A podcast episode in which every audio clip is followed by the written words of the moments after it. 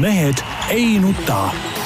selle eest, et mehed ei nutaks, kannab hoolt Unibet, mängijatelt mängijatele tere kõigile, kes meid vaatavad ja kuulavad, ükstapuha mis ajal ja ükstapuha millistest vidinatest. mehed ei nuta eetris, Tarmo Paju Delfist. tervist. Peep Pahv Delfist ja Eesti Päevalehest. tervist. Jaan Martinson Delfist, Eesti Päevalehest ja igalt poolt mujalt, et äh, on midagi hingel või? Kellelgi? jaa, ei lihtsalt äh, kui ma hakkasin saatesse tulema, siis äh, meil lõppes just toimetuse koosolek ja meie äh, uudistepealik Mihkel Tamm kui ma hakkasin oma koosolekuruumist lahkuma ja toimetuse juhtide koosolek ja ja hõikas mind tagasi, Tarmo oli juba välja läinud ja Mihkel, hea, hea küsimus oli siia saate, saate alustuseks, sa vist aimad selline suslik või? sa aimad ise ilmselt, eks ole. no mul üks pakkumine oleks, kui see räägib suusatamisest ja spordist ja no siis ma aiman jah. aga miks sa ei ole ennast registreerinud Tartu maratoni, sa pidid kartma Mihklit nagu et sa ei julge nagu panna, et teil on nagu, et tema nagu läheb ja sa ei julge nagu sinna konkurentsi, kardad konkurentsi või? Mihklit ma ei karda aga mida sa kardad siis? Mihkel, Mihklit ma austan, ei vastupidi, Mihklit ma austan väga sügavalt ja. hakkab juba moosima. ei, ma ei moosi midagi, ma olen kindel, et tema konkurentsis, noh, mul ei ole nagu variantigi, sest ma saan aru, et tema ikkagi on võtnud ambitsiooni olla nagu seal tippkohtade peal ja noh, see ei ole nagu päris minu rida. miks sa ei ole registreerinud ennast siis? aga kes ütles, et ma peaks olema registreerinud ennast? no kuule, oled mees, mitu korda läbi sõit Tartu maratoni? mitte ühtegi korda. noh no Te võite oma nagu iga-aastase, võite oma iga-aastase nagu paar korda korduva tiraadi kõik lindi pealt ette mängida. ei ole vaja midagi ütelda rohkem. jah, kõik said niigi aru. kõik said niigi aru. kusjuures tõsiselt nagu rääkides, siis äh, ei no mis, ütleme nali naljaks, tõsiselt rääkides see küsimuse ajend muidugi jah, sellel on oma eellugu tõepoolest, me oleme seda teemat Mihkliga omavahel natukene nagu ütleme, kuidas öelda, hekseldanud omavahel ikkagi mul teadupärast klassikalise stiiliga on siiski omad nagu väiksed äh, tõrked. aga, aga, aga äh, miks ma ei ole kirja pannud ja miks ma ei ütle siin ka ühtegi kõlavat asja veel välja?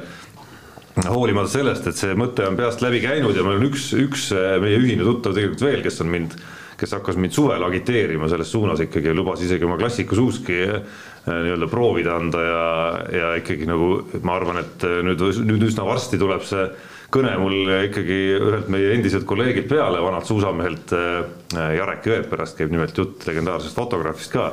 ma usun, et varsti see kõne tuleb jälle peale, nii et see teema saab nagu aktuaalseks, et vaatame, kuhu, vaatame, kuhu see nagu välja viib ikkagi. kogu see jutt ja kogu see, kuidas üks agiteerib, teine ei saa viitab ikka sellise pupujukulikkusele natuke. ja Tarmo, aga sa mõtle nüüd ise, kas sa tõesti, sulle no, meeldib. ausalt, vaikige mehed, sest äh, mida, mida, ütleme iga sõna, mis teil suust nagu tuleb siit praegu nagu no. veel, annab panuse selles suunas, et ma ikkagi ei läheks sinna. ei, no mis see nimme, lihtsalt nagu põhimõtte pärast. seda suurem pupujukulikkus see on. ei, vastupidi, lihtsalt nimme sellepärast, et nagu mitte alluda teie sellisele nagu diktaadile. ei, Tarmo, sa oled nagu tead, see sadomahu masohhist, et sulle nagu meeldib, et iga talv, kui lumi maha tuleb, hakkab meie poolt irriteerimine ja sa justkui seda naudiks. ta naudib seda, aga miks mitte. jah huvitav, mida ta veel naudib? ja vot see on kahtlane jah. ega siin, ega me ei tea, mis tal seal kodus on, siin hiljuti mingi aasta-paar tagasi vahetasid, eks ole, elamispinda, mis salakambrid seal kõik on, eks ole, mis pingid, asjad, riistapuud see kõik, see viitab kõik sellele samale ju. sellepärast, et käi seal Tartu maratonil ära, siis saad. et sulle ei meeldi siuksed asjad. siis saad endale jah, rindu trummeldada ja öelda. siis räägite noh, siis üks teema. no küll me võtame, küll me võtame järgmise. ei no teil ikkagi noh, olgem ausad siiski nüüd jälle kogu austuse juures ikkagi nagu väga selgelt neid uusi asju tuleb väga vähe peale, et ühed samad eh, vanasti oli muru rohelisem teemad nagu korduvad ja korduvad, eks ole. no aga oligi rohelisem. ja ka lumi oli valgem ja hanked olid kõrgemad. et kui ma nüüd selle asja nagu listilt maha võtan, on ju, siis üks asi jääb vähemaks kohe noh no, teemad, teemad lõppevad otsa teil. no küll me leiame, jah, sellega probleemi ei ole. et ei ole muret sellega, no selge, ma siis nagu selle nagu küsimärgi vähemalt võtan maha, kui, kui nagu otsustamiseks läheb. nüüd kõigil kuulajatele, vaatajatele siis teada, et ütleme, et ka toimetuse sees on, ütleme, see Tarmo selline ütleme teatud siiski jäneserikkus on nagu saanud juba nagu äh, tuttavaks kõigi jaoks. Nii. nii, aga ma arvan, et lähme spordiga edasi, kuna me peame siit pühkima teatud koosolekule ja, ja ja rääkige, mis nüüd siis toimub, kes on siis Eesti pa-, kõige parem korvpallimeeskond, kas on nüüd siis Tartu, mis ta iganes on, Tartu Ülikooli TRÜ Tartu Ülikool mul on selge vastus sellele, mul on selge vastus sellele. Pühapäeva õhtul oli Eesti parim korvpallimeeskond Tartu Ülikooli Max ja Moritz meeskond, jah no ma siiski Just. vastaks veel täpsemalt, pühapäeva õhtul võitis Eesti korvpallikarika Tartu Ülikool Max ja ja Moritz. sa eksisid praegu, võitis superkarika. aa, vabandust. Vot nii, nii., super. aga, aga vä- väga huvitavad reaktsioonid olid, et tartlased hakkasid kohe hõiskama, et näe, Tartu korvpall on pildil tagasi. Noh, seal olid väikse, väiksed kommentaarid ja ka- kõik, kõik nii, noh kas siis niimoodi nüüd on siis, kas, kas mille, kaua võib minna selleks, et tuleks jälle legendaarsed finaalseeriad Tartu versus Tallinn ja kus ette ei tea, kumb võidab? No selleni, et tuleks taas legendaarsed finaalseeriad, kus ette ei tea, noh, läheb ilmselgelt siiski nagu aega, alustame nagu sellest, et et esimese hooga oleks vaja, et seesama Tartu meeskond, kes praegu Kalev Cramot ikkagi ilmselgelt ägedalt suutis üllatada karikafinaalis, hakkaks ronima koduses Eesti-Läti liiga turniiri tabelis eh, oma tabeli, mis ta on, eelviimane vist hetkel jah, sellelt kohalt. Jagavad viimast kohta põhimõtteliselt, ei vist üks kaotus on vist rohkem. jaa, võitluse arvut on. jah, täpselt, et sealt nagu kõrgemale on ju, et ilmselgelt on Tartu meeskonnal, kuidas iganes tahad teda nimetada siin TRÜ-ks või Tartu Ülikool Max ja Moritseks, on tegelikult selle aasta komplekteeritus noh, ikkagi oluliselt suuremaid ootusi tekitanud algusest peale kui see koht, mis neil hetkel seal turniiri tabelis on, et kui me räägime meeskondadest, kes on nagu nii-öelda nagu alaesinenud äh, selle hooaja esimestel kuudel, siis, siis Tartu on selles listis nagu ma pakun isegi kodustest klubidest nagu esimesel kohal ikkagi ilmselgelt on ju. et, et kuskilt otsast hakkas see asi nagu allamäge veerema ja noh, nüüd on küsimus selles, kas kas need õnnestumised, mis üle noatera siin karikavõistlustel üldse oli, see oleks kõik võinud olemata jääda, kui äh, veerandfinaalis ei oleks nagu Pärnu eriti totral moel eh, ikkagi nagu kandikul ulatanud neile Final Fouri kohta et kas need, kas need õnnestumised ja treeneri vahetus ja kas see kõik annab nagu püsiva efekti ja kas me saame vähemalt nagu alustuseks rääkida sellest, et nad nagu kasvõi selle hooaja kontekstis suudavad ka meistrivõistlustel ennast siis nagu mängida Eesti-Läti konkurentsis ja siis hiljem koduses konkurentsis üldsegi nagu finaali ikkagi. no äh, hakkame sellest pihta, et tegelikult sel nädalavahetusel äh, Tartu ütleme, hea mäng ei piirdunud ainult finaaliga, vaid tead, nad tegid ka ju poolfinaalis seal äh, mängu lõpus ikkagi TalTechi vastu ka päris võimsa soorituse ja, ja ja, ja, ja taktikaliselt mängisid, ütleme, mängis Masur Svarraku ka üle, nii nagu ta mängis Stelmachersi üle. et, et, et see oli tervikuna hea nädalavahetus ja, ja selge see, et noh, Tartul on kõik eeldused olemas, et et sealt hakata üles ronima ja eile Janar Tatsiga rääkisin, siis noh, ega, ega ta saab ise ka aru, et see või- võit oli nagu vägev, eks ole, aga noh, kokkuvõttes hooaja kokkuvõtet tehakse ikkagi ju kevadel ja, ja, ja kevadel peab kõva olema, peab võitma. ja samas ütleme, selles Eesti-Läti liiga play-off'i kohast on kahe võidu kaugusel, et, et seal all, all see tabel on ju üsna tihe, et, et ma, ma, ma millegipärast olen üsna, üsna kindel, võib-olla vale öelda, aga aga jah, pigem jah, ikkagi üsna veendunud, et, et Tartu arvestades seda, et üle poolte mängud on veel mängida seal liigas ka, ronib seal kõigepealt play-off'i ja, ja Eestis ja Estikate lõpus nad on, ütleme seal kindlasti suures medalimängus sees. no suures pildis, kui mitte ainult keskenduda sellele konkreetsele ühele nädalavahetusele või hooaja esimestele kuudele, noh, et Tartule on siin eriti kodused, kuidas öelda, oponendid, sealhulgas poliitilised oponendid ja, ja eks siin ei pea ju keerutama, et Tanel Tõnist saab seda listi alustada, heitnud nagu ette sellist nagu esindusklubi ambitsioonikuse puudumist ja, ja vahepeal tõesti selline hetk oli, aga noh, tegelikult minu arust sellel hooajal on see nagu see etteheide natukene nagu ülekohtune olnud nagu algusest peale ja sellel põhjusel, et, et minu arust küsimus ei ole olnud niivõrd ambitsiooni puudumises nagu klubi juhtide poolt, vaid selles, et reaalselt ei ole õnnestunud, kas siis valikud komplekteerimisel, ma ei tea, mingid taktikalised, mis iganes asjad seal meeskonna sees veel, lihtsalt, lihtsalt on nagu halvasti välja tulnud ja seda ja seda spordis kahtlemata nagu juhtub päris tihti ja igal pool. et noh, nad on lihtsalt nagu põrunud reaalselt ja, ja küsimus ei ole ainult nagu ambitsioonis ikkagi, et kui sa vaatad seda koosseisu kasvõi võrdled nüüd äh, teiste Eesti klubidega äh, siis või sealsamal Final Fouril, jättes nüüd Kalev Cramo välja, siis, siis seesama Tartu meeskond meenutab ju korvpalli nagu sihukest tõsist professionaalset korvpallimeeskonda rohkem kui enamik teisi koduseid klubisid. noh, vaadates, kuidas on liinid täidetud no,, kuidas positsioonid täidetud, kuidas, kuidas ütleme sa näed, et seal üheksas, kümnes, üheteistkümnes, kaheteistkümnes mängija on selline mängija, kes mingitel perioodidel oma elus on meistriliiga tasemel saanud täiesti arvestatavaid eh, minuteid ja nii edasi. ja noh, siis paned kõrvale seesama TalTech, kellel tegelikult puudub eesliin, on ju, siis on meil klubisid, kes käivad siin kuue mehega mängimas kuskil, siis on eh, Viimsi, kus äh, ka kogu austuse juures tublid poisid, aga kus äh, saavad nagu kõva mänguaja näol krediiti mehed, kes äh, eelmisel aastal mängisid alles esiliigas ja nii edasi ja nii edasi, et selles mõttes on, on see Tartu nagu paberil olnud algusest peale Eesti mõistes ikkagi täiesti ambitsioonikas äh, ettevõtmine sellel hooajal juba jah, ei, ei ongi nii ja, ja. et nüüd tuleb lihtsalt nagu hakata nagu õnnestuma ja. igasuguste valikutega, mis, mis tehtud on ja, ja, ja kogu selle protsessi ja mängusiseste otsusteni välja. no mina arvan, et Masus siis see tulek ikkagi muut, muutis seda meeskonda ja võib-olla see muutus võttis natuke aega ja, ja noh, tegelikult ju samal nädalal oli ju, ju väga ebaõnnestunud mäng teil ka Tallinna Kaleviga, kus nad küll võitsid, aga ütleme, mängupilt oli ju, ju ikkagi suhteliselt kohutav, aga lõpuks see Masursi võib-olla ideed peaks hakkama seal kandma ja sellepärast ma usungi, et et ja vaadates seda koosseisu, ütleme, seal on nagu mängijaid, no võtame kasvõi, võtame siin kas Robin Kivi, kes praktiliselt selles finaalis ju üldse ei saanud mängida, no kindlasti on niisugune mees, kes, kes saab palju, palju juurde anda, no seal on veel suur võib-olla roll oli väga väike.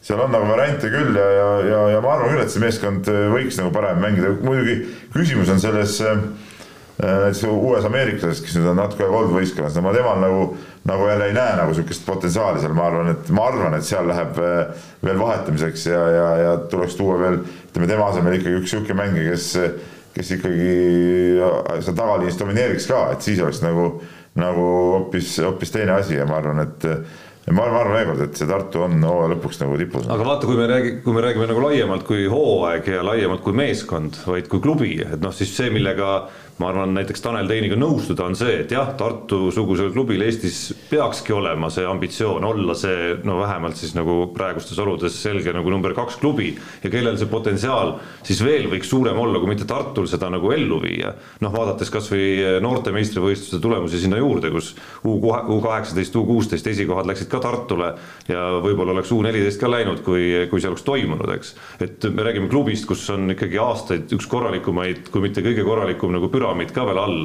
et eh, see oleks kõige loogilisem, et me hakkame ühel hetkel ikkagi, et see Tartu tõuseb nagu tagasi ikkagi, kas just eh, noh, Kalev Cramoga võrdsele positsioonile noh, natukene keeruline võib-olla ajal, kus Kalev Cramo VTB-s mängib, aga noh, vähemalt sellisele positsioonile, et, et, et Kalev Cramo võitmine ei oleks nagu sihuke üllatuspomm.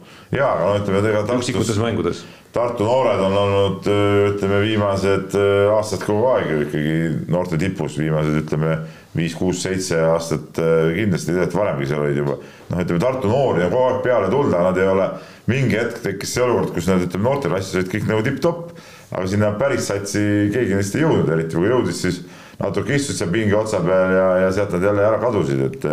et praegu ütleme viimastel aastatel tehakse ikka süsteemsemat tööd selles, kuidas neid noori sinna, sinna satsi sisse saada ja, ja kui sa vaatad praegu seda rosterit, siis sealt ju tuleb ju, ju, ju kogu aeg ütleme ka see U kaheksateistkümnes hiilgavas, et Tassa, eks ole, noh, kes ei ole küll Tartu enda poiss, vaid on, vaid on Hitost eh, sinna toodud. Eh, ütleme, tema on ikkagi põhisatsi juures ka nagu tegemistes sees ja, ja istus sealgi pingi peal, küll mitte ei olnud mänguks üles antud, aga nii et, eh, et see on nagu ütleme loo, loomulikku rada pidi need eh, kutid edasi lähevad ja see on muidugi õige tee. noh, see loob nagu eelduse sulle, see loob sulle eelduse, et, et sa ei pea nagu nii nahast välja pugema selleks, et no lihtsalt nagu rahakotiga lajatama ja ja, ja tänu sellele saad ainult nagu häid satse kokku, et, et sa saad nagu sihuke loomulik protsess on võimalik teha ja, ja Eestis noh, tegelikult polegi kedagi teist väga, kellel, kellel nagu see võimalus sellisel kujul nagu on. Või noh, väga vähe on väga vähe, ütleme neid meeskondi, kus või klubisid, kus see saaks nagu niimoodi käia.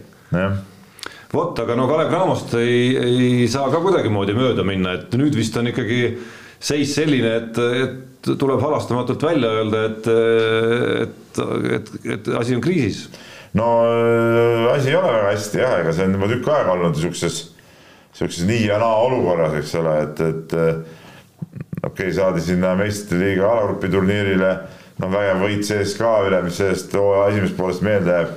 aga tervikuna on saadud ikkagi väga palju siukseid noh, nagu alt, altmineku kaotusi, tead noh, ja, ja, ja ei ole hästi ja, ja see mäng näitas järjekordselt ära, et ikkagi noh, seal nagu puuduvad sellised mängijad, kes, kes sihukeses raskes olukorras, kes näiteks mingit mängetarkust või, või suudaks nagu seda võistkonda, võistkonda vedada, eks ole, ja, ja sihuke totaalne ebakindlus ja ja, ja ega need, need kolm tagu, mis nendest on palju räägitud, et räägitakse, et oh, vägevad mehed, aga samas nad ju, nad ju ükshaaval kukuvad aeg-ajalt jälle auku, tulevad välja auku ja välja, et, et need, need nagu sihukest nagu kõva taset nagu tegelikult ikkagi ei ole, noh jah, et kellelgi ei ole sellist nii-öelda nagu stabiilse vedaja nii-öelda tassija nagu ütleme siis nagu sellist taset ei ole suutnud keegi nagu läbi kuude näidata. nojah, aga siin ongi see, et, et kui nüüd midagi vahetada, no seal peab kõigepealt ikkagi mänedžeride kokkuleppele jõudma, et need on garanteeritud lepingud, ma saan aru kõigile, et et, et seal üritatakse midagi teha, aga see, kas midagi õnnestub ka, see vahetusprotsessid ei ole ei ole kindel, võib-olla peavad ikka samad meestega lõpuni välja minema. noh, ehk siis klassika, sa elad ikkagi nende otsustega, mille sa suvel mis teinud oled. suvel teinud ja ütleme, seal on vigu tehtud, see on selge, noh. ja noh, üks on need ameeriklased, no mina, mina ütlen ikkagi nii, et, et minu arust ka need lätlased ei ole ikkagi oma rolli mingil juhul välja mänginud. noh, üks, mis mind nagu, millest on võib-olla vähe räägitud selle viimase nädalavahetuse kontekstis veel küll aga nende eel, eelnenud äh, nii-öelda nagu tähtsate euromängude äh, puhul räägiti nagu päris palju. Ja, ja noh, me pühapäeval ja pühapäevase mängu järgsetes analüüsides on palju juttu olnud sellest tartlaste maa-ala kaitsest ja sellest, kuidas, kuidas see võimalik oli, et siis nagu Kalev Cramo sellega hakkama ei saanud ja sellest, kuidas sellise nagu targa mängujuhi, Sten Timmu Sokuliku mängujuhi puudumine noh, ikkagi annab tunda ja, ja nii edasi ja nii edasi, aga üks, millest on räägitud siin kar enne karikat nende euromängude ajal ja mida on nagu näha olnud, on, on, on olnud ju see, et Kalev Cramo ei ole suutnud ka sellist nagu kuidas öelda, nagu õiget sellist nagu kaasaegset kaitsesurvet nagu püsti panna meeskondadele sellel hooajal on ju, et äh, maa-ala kaitse murdmine maa-ala kaitse murdmiseks kui sa tahad, üks väga hea vahend maa-ala kaitse murdmiseks ja üldse igasuguste raskuste ületamiseks, mis sul on nagu poole väljaku rünnakul on ju, on ju see, et sa oled kaitses nii kõva lihtsalt.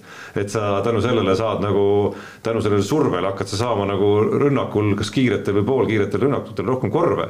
aga me nägime mängu, kus lasti endale, mis see nüüd oli viimasel veerandajal kolmkümmend neli või mingi midagi sellist ja, punkti visata, on ju, et, et seda ei peaks ju see individuaalne nagu rünnaku ebastabiilsus või meeskond kuidagimoodi mõjutama. kes need mehed on siis, kes seda survet teevad seal? no vähemalt eh, hooaja eelsetes mängudes me nägime, et et nendest samadel ameeriklastelgi väga hästi käed kaitses käisid, väga hästi suudeti nagu kuidagi palle kätte saada. mängud olid ju ma mõtlen meistrite liigad, valikturniiril just. et, et kuidagimoodi ei ole seda õnnestunud nende kuudega nagu ikkagi eh, sellel meeskonnal nagu oma DNA-ks tekitada. ja ei ole küll jah, ja ütleme kui ütleme, Kalevil on üks sihuke kõva kaitsemees Martin Torbek, aga paraku ta sel hooajal rünnakul, noh, seda oli näha ju pühapäeval, eks ole, oli täiesti ebaõnnestunud, eks ole, et, et ega seal ongi rasked valikud treenerite ka, et mismoodi sa neid mehi seal platsile siis, siis paned, on ju. et äh, jah, ei ole, ei ole seda kaitsesurvet ja ka tänapäeva korvpallis, kui seda kaitsesurvet sulle teha, ongi see väga raske muidugi midagi, midagi suurt, suurt tahta ja saada. see, mis sa räägid siin, et okei okay,, see Äh, meistriliiga alagrupi turniiril, no ega see ei olnud ka mingi väga kõva turniir, olgem ausad. See ei olnud mingi imeturniir ju kokkuvõttes no,. et noh, seal ütleme näiliselt ütleme äh, siukeste noh, nõrgemate satside vastu seda survet teha ongi ju ka lihtsam kui kui tugevate tipptiimide vastu. Noh. ja no., ja kui sa vaatad ka, okei okay,, üks, üks asi on tagameeste see surve, teine asi vaatad ka ütleme korvialuseid mängijaid meil, no ega seal nüüd ka mingeid selliseid kaitsegeeniuseid ei ole ju keegi ju tegelikult noh. et, et nii nii see, nii see paraku ongi, et see meeskond on selline täpselt nagu ta praegu on. Et jõudu Kalevi management'ile, et noh, unelmates võiks ju loomulikult näha igasugu liigutusi siin, kus veel mängu tekivad ka kaks hetkel vaba vabamängijate turul olevat Eesti korvpallikoondise põhimängijat, ehk siis Henri Trell ja Siim-Sander Vene, eks. ja võiks siin näha liigutusi, mis mitte ainult ei, ei võiks meeskonna kvaliteeti parandada, vaid tegelikult ka päris arvestatavat ja elavamat huvi tekitada publikul Kalev Cramo tegemiste vastu, aga, aga praktikas nende no, teostamine ka, on väga siin, keeruline. siin on ka mitu asja, okei okay., Siim-Sander Vene võtmine on väga kindla peale minek, eks ole, selge see, et tal on oma teatud tase olemas. Henri Trelliga on hoopis keerulisemad lood selge see, et, et noh, meie kõik, kes me nagu Eesti korvpalli nagu siin push ime ja armastame, loovime, tahame, et Ender Trell saaks igal juhul äh, äh, mängida ja, ja oleks seal võistkonnas. teisalt jälle vaadates, kuidas tal see hooaeg on kulgenud, äh, kuidas ta, eks ole, kukkus välja sealt äh, oma võistkonnast, kuidas ta käis nüüd veel testimas Prantsusmaal, eks ole, ei saanud sinna ka peale, järelikult ja need koondised nagu näitasid ka ära, et ta nagu väga heas seisus tegelikult ei ole, noh. ja kas, kas Kalevile reaalselt on, on temaga vahetamine üldse kasulik, no seda, seda ju keegi ei tea, sellepärast seal management'il ilmselt on ka mõtlemisainet rohkem, kas on see, kas see mäng, mäng väärib üldse küünlaid, noh? noh, selle kaitsesurve tõstmiseks äh, ainuüksi juba võiks tast kasu olla päris palju, et, et kui viimasest koondise aknastki rääkida, siis kui kuskil tema kasutegur silma paistis, siis, siis seal oma pikkade kiirete käte ja jalgadega kindlasti see paistis, aga minu arust üks suuremaid agasid veel selle ilusa nagu unistuse juures on see, et kui sa hakkad nüüd Kalev Cramo reaalseid vajadusi nagu vaatama siis, siis ikka ja jälle me jõuame selleni, et, et puudub selline nagu üks selge liider ja puudub ka üks selline nagu nii-öelda nagu mängujuht, selge nagu mängujuht Kalev Cramol on ju ja Siim-Sander Vene, Henri Trell loomulikult ei ole, ei täida kumbagi vajadust. jaa, ei, aga samas ütleme, kui Henri Trell oleks vormis siis sihuke emotsiooni pealt ja ütleme, siukse tuhhi liider ta oleks äh, nagu igal juhul, et, et ma räägin, siin on nagu päris keerulised äh, valikud, et mida, mida siis ka nagu treenerid tahavad, et mismoodi see sats on kokku pandud ja mis, mismoodi see sats hingab. Noh. aga vahetame teemat, Jaan on väga kannatlik olnud siin olen, tõesti ja. mütsi, mütsi no, võtame teha? Jaani ees maha. eks aastad ole harjutanud ka. no ikka, ikka. Läheme siis vähe talvisemate teemade juurde miks kestab Sildarude tüli ikka veel edasi või õigemini peaks küsima, et, et miks see tüli on nüüd sellises faasis, kus eelmisel nädalal jõudis avalikkuse ette või jõudsid avalikkuse ette lood sellest, kuidas eh, see puudutab konkreetselt ka Henri Sildaru sponsorrahade kättesaamist siis Eesti Suusaliidu arvelt. no väga keeruline teema, ma selle teemaga, seda teemat ma nii-öelda menetlesin siin eh, ka ikkagi mitu päeva ja ega see teema ongi, ongi keeruline, et äh, et see, see, seal tuleb lihtsalt öelda, et ega, ega nad peavad ise kokku omavahel leppima. peavad ise kokku leppima, teiseks ega ma sellest juriidikast ei ole ka päris selget sotti saanud, et siin ühed ütlevad nii, teised naa. et kas ikkagi on niimoodi, et, et kui, kui antakse sponsorraha, et siis mõlemad lapsevanemad peavad selle aktseptima, ma ei ole sellest päris selget sotti saanud. et kas see, kas see tegelikult ka nii on, et või on see nagu mingi suusaliidu lihtsalt nagu sisene sihuke veendumus, et nad peavad äh, saama nii ema kui isa aktseptid, teisalt jälle äh, ma ei taha ütelda seda, et, et ema oma nõudmistes on, on, äh, on vale, et kui, kui ta ikkagi näeb neid, et mingeid kulutusi on tehtud, mis ei, mis ei ole nagu otseselt nagu Henriga seotud.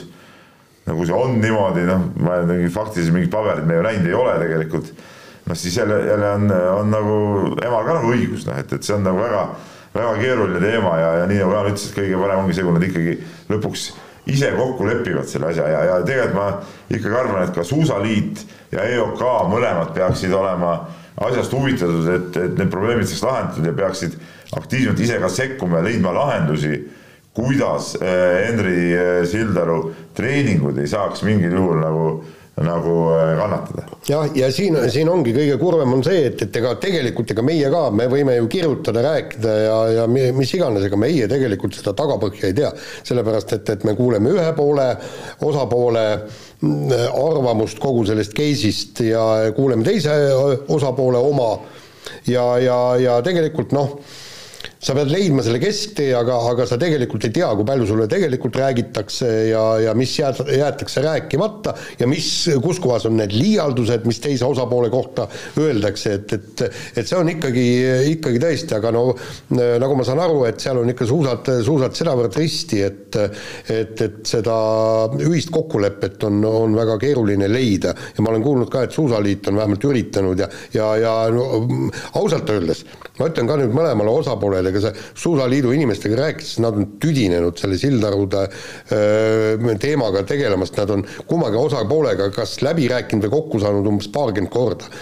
et, et, et see ei oleks, tegelikult see ei ole Suusaliidu asi et Suusaliit peab tegema mingit muud tööd. lõpuks võtta endale spetsiaalselt inimene palgale, kes sildarude probleeme lahendaks. selles suhtes olen nõus, see on vägagi Suusaliidu asi see on vägagi Suusaliidu asi, Suusaliidu asi ongi tagada seda, et äh, sinu Ei. potentsiaalsemad, potentsiaalikamad sportlased saaksid äh, probleemivabalt treenida, neil oleks kõik olemas ja seda nad peavad nüüd jälgima. kui siin on mingid äh, nõksud taga, et keegi kuskil kokkuleppel, siis nende asi on aidata see asi ära lahendada. jaa, aga, aga kui sa kuskil, näed kuskil muidugi on alati nende võimekuse piir, on ju, ma ei tea, kas nad on üritanud just. neid ühe laua taha saada ja no, on see üldse võimalik? no ilmselt ei ole, eks.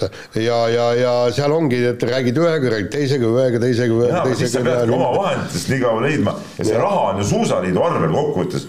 suusaliit võtku ise, maksku need treeninglaagrid kinni, ongi kõik, ei pea andma seda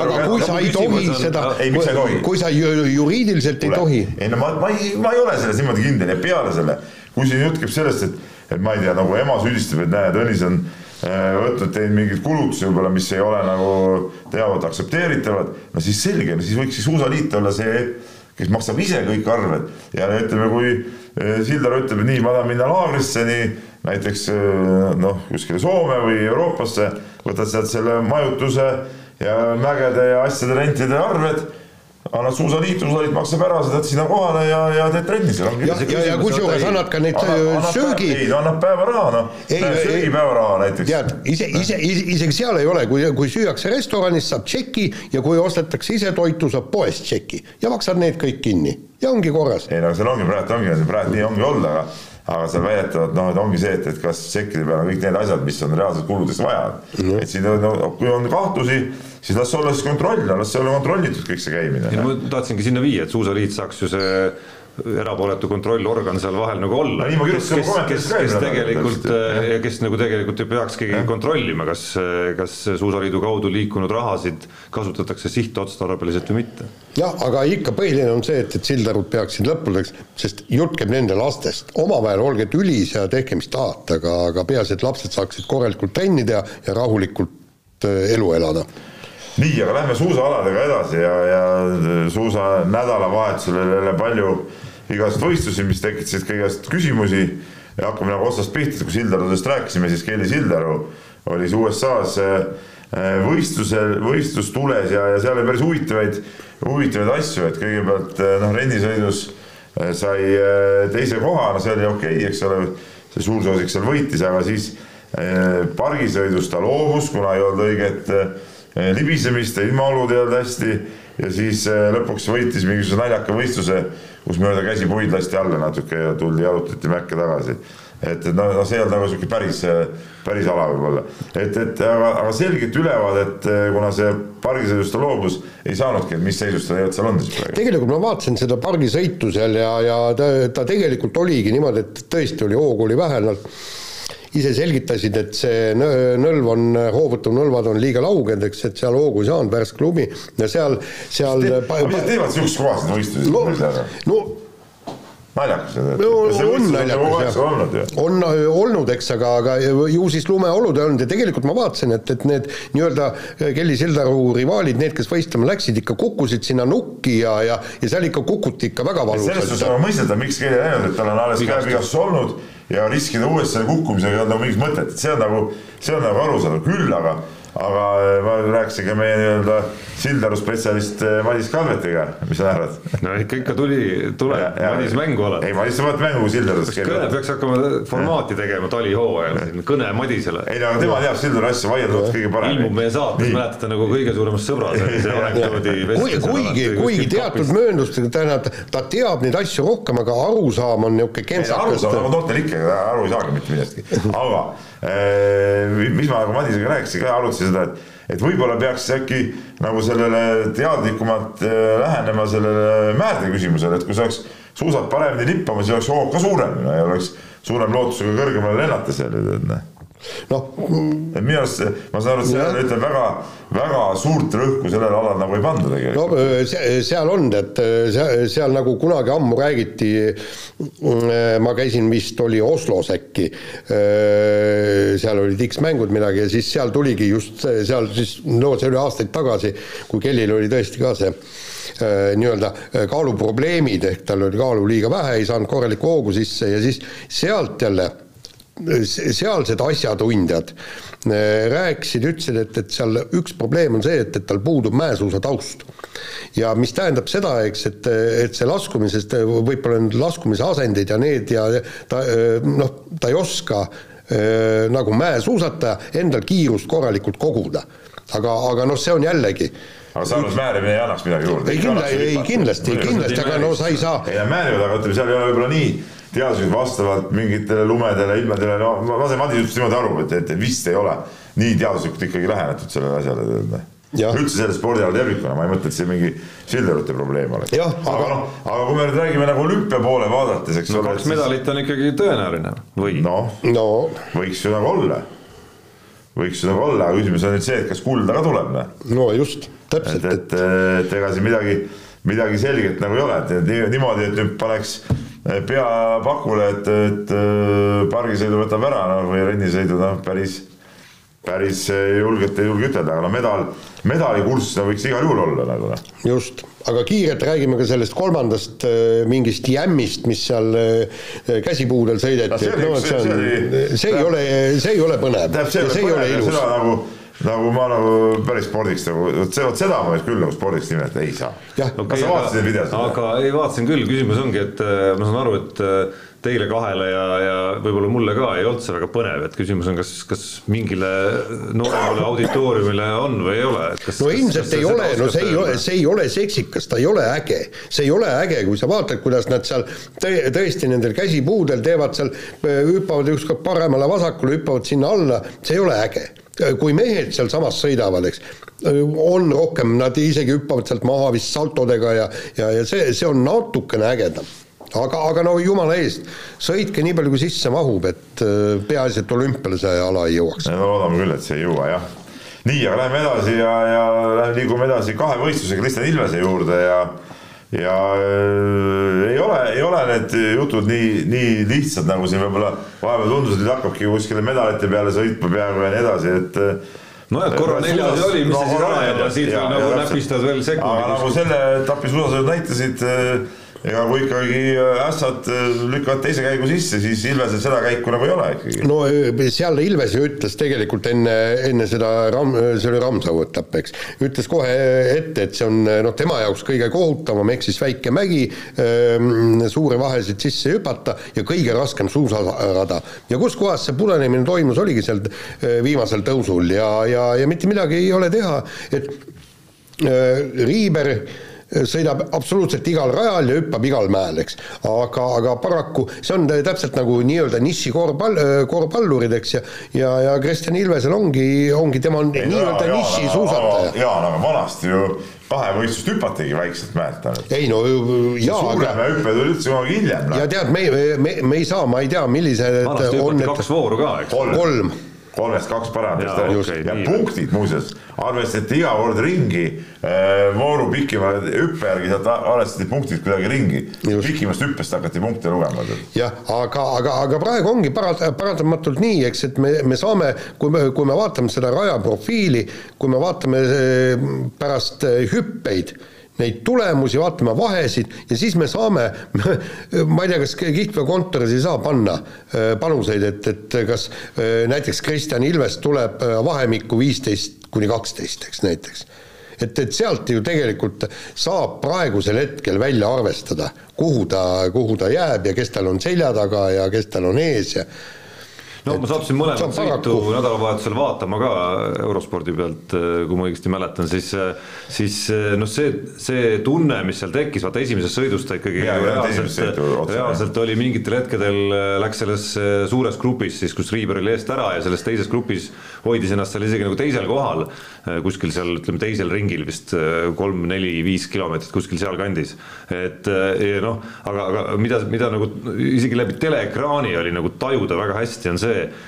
kuidas see, see tempo seal ikkagi nagu üles krutitakse, mida lähemale finišile jõudma hakatakse ühest küljest ja teisest küljest, milline see võitlus on seal, et kui jälgidki selle pilguga tegelikult, et näed, Ilves on siin ja siis kuidas tegelikult nagu igalt poolt ees ja taga, see ei ole nii, et sa lähed nagu nüüd, okei okay,, ma sõidan nüüd ühe koha ühest mehest mööda ja nii edasi. et seal tegelikult, kui sul on viieteistkümnene seltskond seal, siis sellest viieteistkümnesest seltskonnast kümme on sellised mehed, kes kõik üritavad kogu aeg ja mõtlevad sellele, et ma pean olema siin grupis nagu ma ei tea, teine, kolmas, neljas vähemalt, et selleks hetkeks, kui asjad nagu otsustamiseks läheks, et mul oleks mingi võimalus üldse. et seal, seal käib nagu selline olelusvõitlus isegi teleekraani järgi nagu aru saada ja tempo aetakse üles ja, ja selle, see noh, see muudabki keerukaks selle, pealtnäha tundub pärast seda neljandat kohta küll, et no mis on üks natukene õnnestub veel paremini sekund edasi ja nagu nipsti oledki, on ju, poodiumil jaa, miks ta sai seal grupis nii ees olla, oligi see, et see, tema grupp sõitis suhteliselt aeglaselt tagant, lasti see grupp, teine grupp veel järgi, eks ole, et tulid sinna sisse, et seal tempot alguses ju, ju ees ikkagi ei olnud.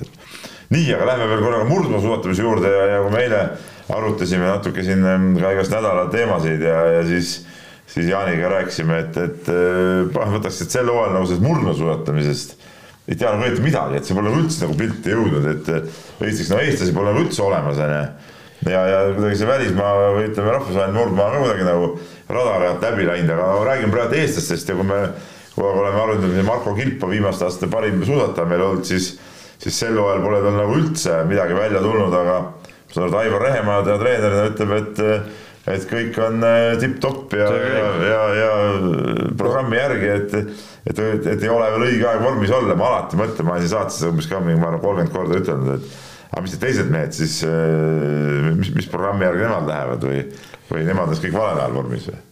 no, ikka ma ei saa aru sellest. no ei, tegelikult seal on, seal on minu meelest ikkagi probleem on selles, et, et äh, rääkisime Tsirgiga, kui, kui ta, kui ta MM-il MM-il sai viienda koha ja pärast, pärast seda MM-i vestlesime natuke pikemalt ja siis oligi, jutt on selles, et, et tema ja praegu Eesti ujujad liiguvad maailmaga kaasas.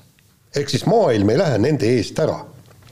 Et eh, na, nad muutuvad eh, ise paremaks ja see, ja see oligi siis, eh, seal jutuajamise käigus tuligi see arutlus jah, et, et tõesti, meie laskesuusatajad, suusatajad või, võivad tõesti enda kohta paremaks saada natukene, noh, protsendipunktide võrra, aga maailm läheb lihtsalt eest ära suuremate sammudega et vot, vot see võibki praegusel hetkel olla probleem. et ma ei tea, kas neil on suusa määrimine, treeningud, värgid, kõik see, et, et lihtsalt maailm liigub, liigub ruttu edasi, tulevad uued mehed peale, kes on sinust mööda läinud ja, ja, ja paraku ongi nii, et, et sa kukud sealt maailma kahekümnendalt, kolmekümnendalt kohalt, kukudki viiekümnendaks, kuuekümnendaks. nii lihtne see ongi. jah, võib nii olla aga suusatamisega on seisud kehvad meil. on kehvad, on kehvad.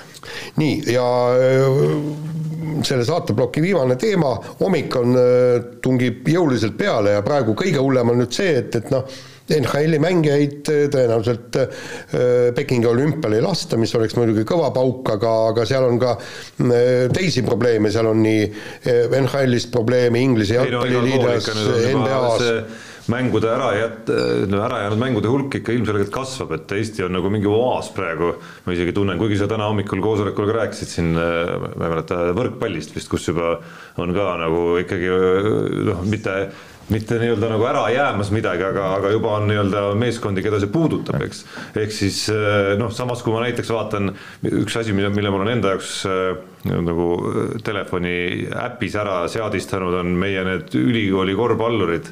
et hommikul saada nagu pilt ette, kes seal öösel mängis, et neid ei jõua ükshaaval üles otsida sealt mm. kümnete mängude seast, siis, siis sealt nagu ikka päris tihti on juba see cancelled silt on juba mängudel nagu juures, on ju, et, et see on mingi asi, mis hakkab meid, ma arvan, igal tasemel lähiajal päris kõvasti ees ootama, aga no, teie jaoks muidugi. ei no kõik muu. mitte ainult teie jaoks, vaid noh, loomulikult ka minu jaoks hokisõbrana oleks päris valus, kui, kui see atraktsioon nüüd olümpial ära jääb. ei no ma ütlen, et NBA-d ja NHL-id ja see, see kõik on kukesupp nagu seal. ei no need saab, need saab ikka kuidagi mängitud. see mind nii väga ei, ei ole nii tähtis, aga kui tõesti olümpial eh, hokiturniiri ei ole ja läheb samasuguse noh, ma ütlen nagu juraturniiriga, kuigi see, ma ei ütle, et noh, põnev oli see eelmise olümpiaturniir ka, aga, aga noh, tase ei olnud ikka see ja, ja kui samamoodi läheb seekord ka, siis siis olümpia kui selline kannatab päris kõvasti, sest taliolümpiast ikkagi noh, üle viiekümne protsendi on ikkagi selgelt okine, et see muu, muu on kõik nagu nali selle kõrval. ja, ja teine asi on see, et, et praegu siis hakatakse, kui nüüd NHL lähipäevil,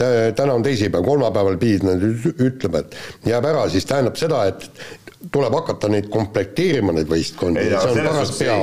Äh, no mina tean, et näiteks Venemaad ja, ja need Soomed, Rootsid, need on ikkagi ja, ja ka Kanada on ise komplekteerinud siin KHL-i mängus, millega nad mängisid siin nüüd Perve kanali turniiril ka, eks ole Äh, et need olidki juba niimoodi nagu selle, selle mõttega tehtud need igast võistkond, et, et vaadata neid satse kokku siis, kui NHL-ist ei saada tulla.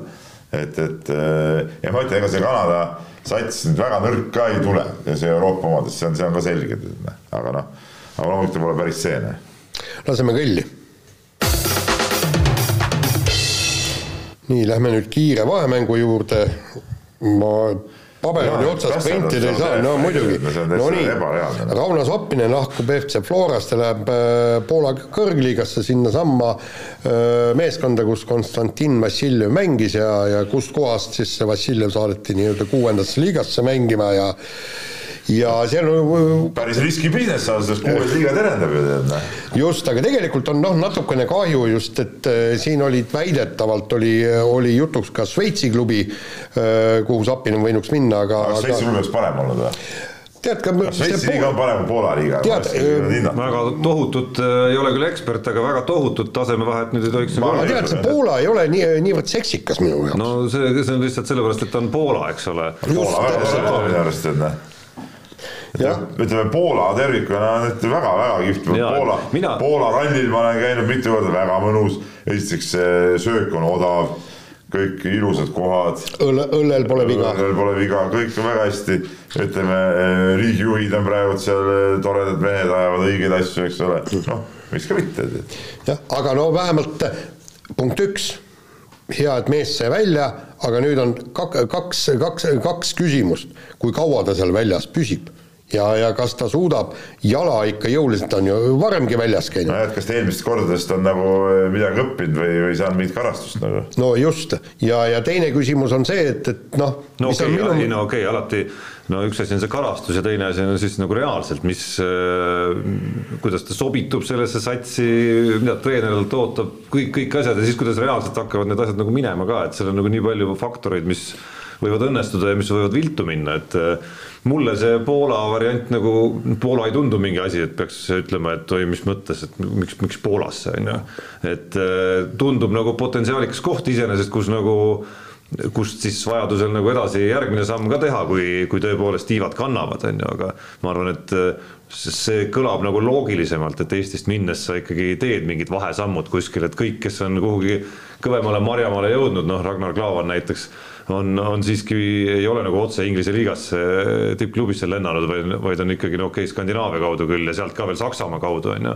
ja Holland, eks ole, et terve ports vahesamme on seal vahel käinud siiski, et oleks imelik, kui, kui Rauno Sappinen lendaks siit kohe kuskile nagu tippliigasse. no samas need noored poisid on läinud ju siit, nad on läinud nagu akadeemiate kaudu nagu jah. aga samas noh, ongi, et ettevaatlikuks teeb, et tal on juba võimalus antud, mida ta ära ei kasutanud ja, ja teine küsimus on see, et, et kes nüüd äh, tema koha täidab, ütleme niimoodi, et, et saab, aga kuigi Flora on suutnud mängida hästi ju ka ilma Sapini. jaa, pikas jooksus on see, et see koht vajab igal juhul nagu täitmist, et, et et äh, noh no selle raha eest, mis nad Sapini eest saavad. palgata küll kedagi, ma arvan. no ütleme, mis on Floral ju alati olnud alakasutatud, on äh, ütleme, nad ei ole legionäridele seni vähemalt väga rõhku pannud viimastel no, aastatel, eks neid on olnud, aga mitte väga nagu kandvates rollides on ju. noh, teisalt ja teisest küljest muidugi võtad kasvõi Eesti liiga paremate väravaküttide tabeli ette ja kas mitte Henri Anieri eh, uue hooaja mängupaiga osas eh, on küsimusi päris palju, olles kuulanud siin erinevaid jalgpalli podcast'e ka, et et seda, et ta jätkaks Paides, väga paljud ei usu näiteks ei muidugi variandid on olemas. no ma arvan, et Flora leiab lahenduse, ta on ikka no, nii tugev. kindlasti lahenduse, jah. no seni nad on leidnud jah, ja seal neil on ju oma süsteem ka, kust on võimalik äh, vaikselt upitada. no sealt on upitanud neid vende ka öö, omajagu. aga, aga no see, et, et võtta korralik ründaja. muudest huvidest teadupärast väga, väga usinasti ära tead noh. jaa, aga leida mees, kes lööb kakskümmend pluss väravat, eks, mida oleks vaja, jah. nii, nii., nii, vahetame meie teemat ja hüppame mootorite maailma põrinate juurde. Jüri Vips testis Red Bulli vormel ühe masinat, sõitis muuhulgas seina ka, näitas muuhulgas ka kuuendat aega mingil sessioonil või oli see kokku, ma nüüd täpselt ei teagi. küsimus, mida tasub küsida siin meil korraks ja millele vastata, on ikkagi, et kas sellest kõigest midagi olulist oli ka välja lugeda või mitte? Ei, absoluutselt, seda, seda ei saagi lugeda ja ma rääkisin tema äh, abilise Marko Asmeriga ja loomulikult isegi Asmer ei tea, mida testiti ja kõik see, et kuues saeg, viies saeg, üheteistkümnes saeg, mitte mingit vahet ei ole. sellepärast, et, et nendele noortele ei anta autot lustimiseks, nagu As-, Asmer ütles, vaid äh, väga kindlaid ja konkreetseid as- asju meeskonnad testivad antakse kätte nii, paneme nüüd selle detaili peale või sellise, sellise seadistuse, nüüd anna kuuma nii palju, nii palju ringe ja, ja, ja tegelikult ega ma kujutan ette, et võib-olla sõitjad teavad suures plaanis, mida testitakse, kuidas testitakse ja, ja sõitjad teavad igal juhul, sest nad peavad tead andma ka mingit tagasisidet. noh. just, aga nad teavad ainult teatud detaile sealt, eks põhjalikult ei tea ja, ja alati, alati on selle Vipsi Vipsi ja teiste vormelisõitjate puhul ongi, minu meelest on see äh, äh, hooaja eesmärk peab olema saada vormel üks testidele hooaja lõpus. see näitab, et tiim äh, ikkagi hoiab sul äh, kätt pulsil ja hoiab sul silma peal äh,. järgmine aasta suure tõen- tõenäosusega vormel kaks, aga ma kujutan ette, et see on ka nüüd Vipsile viimane aasta, tal on niigi liiga palju krediiti antud. ta peab järgmise liiga aasta palju, jah lihtsalt palju, liiga palju. no ütleme kas niimoodi sa, arvad, et ta ei ole väärt seda? ei, ilmselt on, seda otsustab ju Red Bull muidu poleks antukene väärt ei ole. siis ei ole liiga palju. jaa, aga, aga ühel hetkel, ühel hetkel siis äh, Red Bullil on ju ka, tal on ju tegelikult väga tugevad äh, teised noored sõitjad ka, et äh, noh, aga me oleme vormel kolm hooaeg, mäletate, on Vipsile otsustav. nüüd vormel kaks hooaeg, Vipsile otsustav, nüüd räägime järgmine äh, hooaeg, jälle otsustav, kogu aeg otsustav, aga nii see paraku elu on. Nii, aga läheme nüüd edasi ühe järjekordse sporditotrusega ja juhtus selline lugu siis, et Soome laskesuusa äss Kaisa Mägerainen jäi ilma seitsme aasta tagusest MK-sarja üldvõidust ja siis sellepärast, et eh, sealt, kes sealt maha võeti. Olga Zaitseva. ja, ja Olga Zaitseva võeti mingi vana dopinguprooviga maha ja seoses sellega siis eh, ütleme, tema punktid kadusid ära ja, ja kes tast mööda tõusis seal? Noora Lanna Norra Lanna keegi jah. Ja Toora Berger. Toora Berger sai, sai siis punkte järsku rohkem ja, ja tõusis ise esimeseks. no minu arust see on nagu debiilsus kuubis. ja no ütleme, see on nagu, okei okay,, kui sa tahtsid, anna, anna sellele Bergerile ka see nii-öelda see võit ja lase talle see mõned, aga sa ütled, et nüüd, et, et Mägerainen jääb võidust nagu ilma sellises olukorras sa ei saa, nad ju sõitsid võidu peale ja selles konkreetses võistluses ta ju võitis, no selle, selle hooaja, hooaja kokkuvõtte võistluse ta ju võitis, eks ole, nii. ja, ja kuidas sa saad ütelda nüüd, et, et nüüd kellegi punktid läksid kaduma ja sellepärast keegi tõusis mööda, selles olukorras, see on ka ebavõrdne olukord, selles olukorras ta ju ei teadnud, et ta peab näiteks ma ei tea, kuskil võistlusel saama parema koha.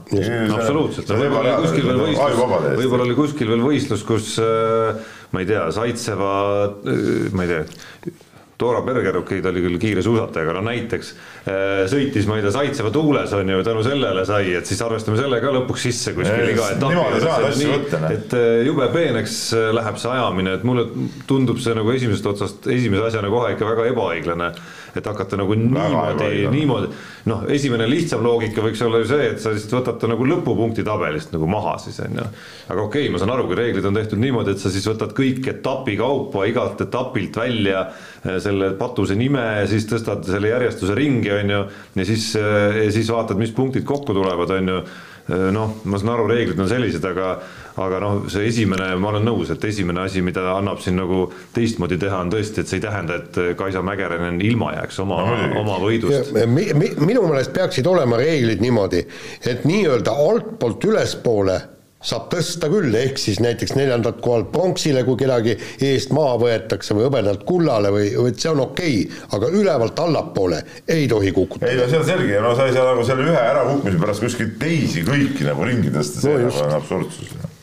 Nii, aga võtame järgmise teema ja veel üks Eesti hokimees on KHL-is, Helsingi Jogerites mängis Kristjan Kombe ühe mängu ja kohe viskas ka värava ja no Peep, sina oled hokiga võib-olla rohkem kursis, ütle, kas see on ühe-kahe-kolmekordne sähvatus või, või võib sealt tegelikult no, oodata midagi? väga raske hinnata, sest et ega me seda Kristjan Kombet ise väga palju ju näinud ei ole, et Saaremaal sündinud poiss, kogu elu Soomes elanud, noh, seegi see, kuidas sinna Jogerite satsi juba on saanud ja KHL-i mängus peale sai, siis, loomulikult peab kõva vend olema, noh, et, et ja, ja ongi kindlasti kõva vend, et et aga, aga noh, mis tast, mis tast saada võib ja ta on noor poiss, ta on kaks tuhat sünniaasta vist, kui ma õigesti mäletan, ehk siis kakskümmend, kakskümmend üks aastat vana. kakskümmend üks peaks. kakskümmend üks juba jah, noh, loodame, et tuleb veel, noh et tuleb veel sinna juurde väravaid ja asju, et aga see, et nüüd Eesti kutte nagu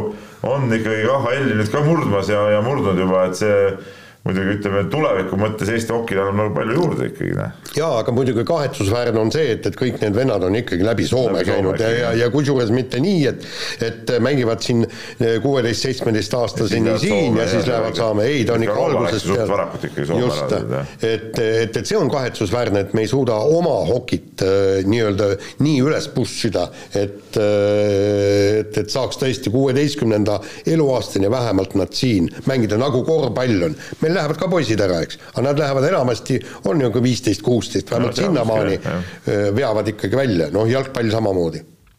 Aga selle saateosa lõpetuseks veel korra põrinate juurde, Toyota rallitiim tunnistas, kuidas äh, siin sügisel sai oma uue auto testimistega ikkagi äh, põhimõtteliselt siis nagu trikitatud, ehk siis äh, meelega riputati seal mingeid juppe autole külge selleks, et ja siis lekitati ka mingisuguseid fotosid sellest konkurentidele või kuskile sotsiaalmeediasse selleks, et siis, selleks, et saaks siis Hyundai'd ja ja M-spordid saaks lihtsalt oma tiimidega raisata siis oma aega sellele, et mõistatada, mida üks või teine detail seal teeb ja, ja, ja kas sellest kasu ka on või mitte. no ütleme niimoodi, et pullmäng on see muidugi.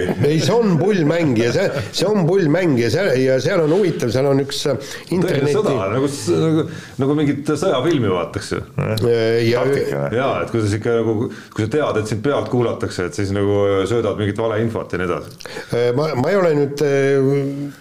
juhtunud vaatama, on olemas üks, üks internetikülg, kus on tõesti need äh, aerodünaamika spetsialistid võtavad need ralliautod, kui nad midagi uut näevad, siis nad hästi põhjalikult selgitavad, mis, kus, kuhu on, et kas ne, nemad ka siis niimoodi õnge läksid, seda peab ta, tagantjärgi vaatama, sest nad äh, alati neid uuendusi seal äh, kirjeldavad, aga teine asi on see, et sa raiskad ju ise ka seda aega, nad tahavad, et nii-öelda rivaalid raiskaksid aega selleks, et mõistatada ära, et mille pagana pärast läheb ikka vähe aega, seal natukene seal kruvid, kruvid midagi, teed pildi ja ega sa ei pea rohkem aega kulutamagi sellele, aga no, ma kujutan ette, kuidas seal noh, samas ma kahtlustan teisest küljest, eks, eks teine pool ka teab, et, et mingeid asju tehaksegi nagu pead ka vaatama, mis on nagu päris ja mis on nagu fake, eks ole.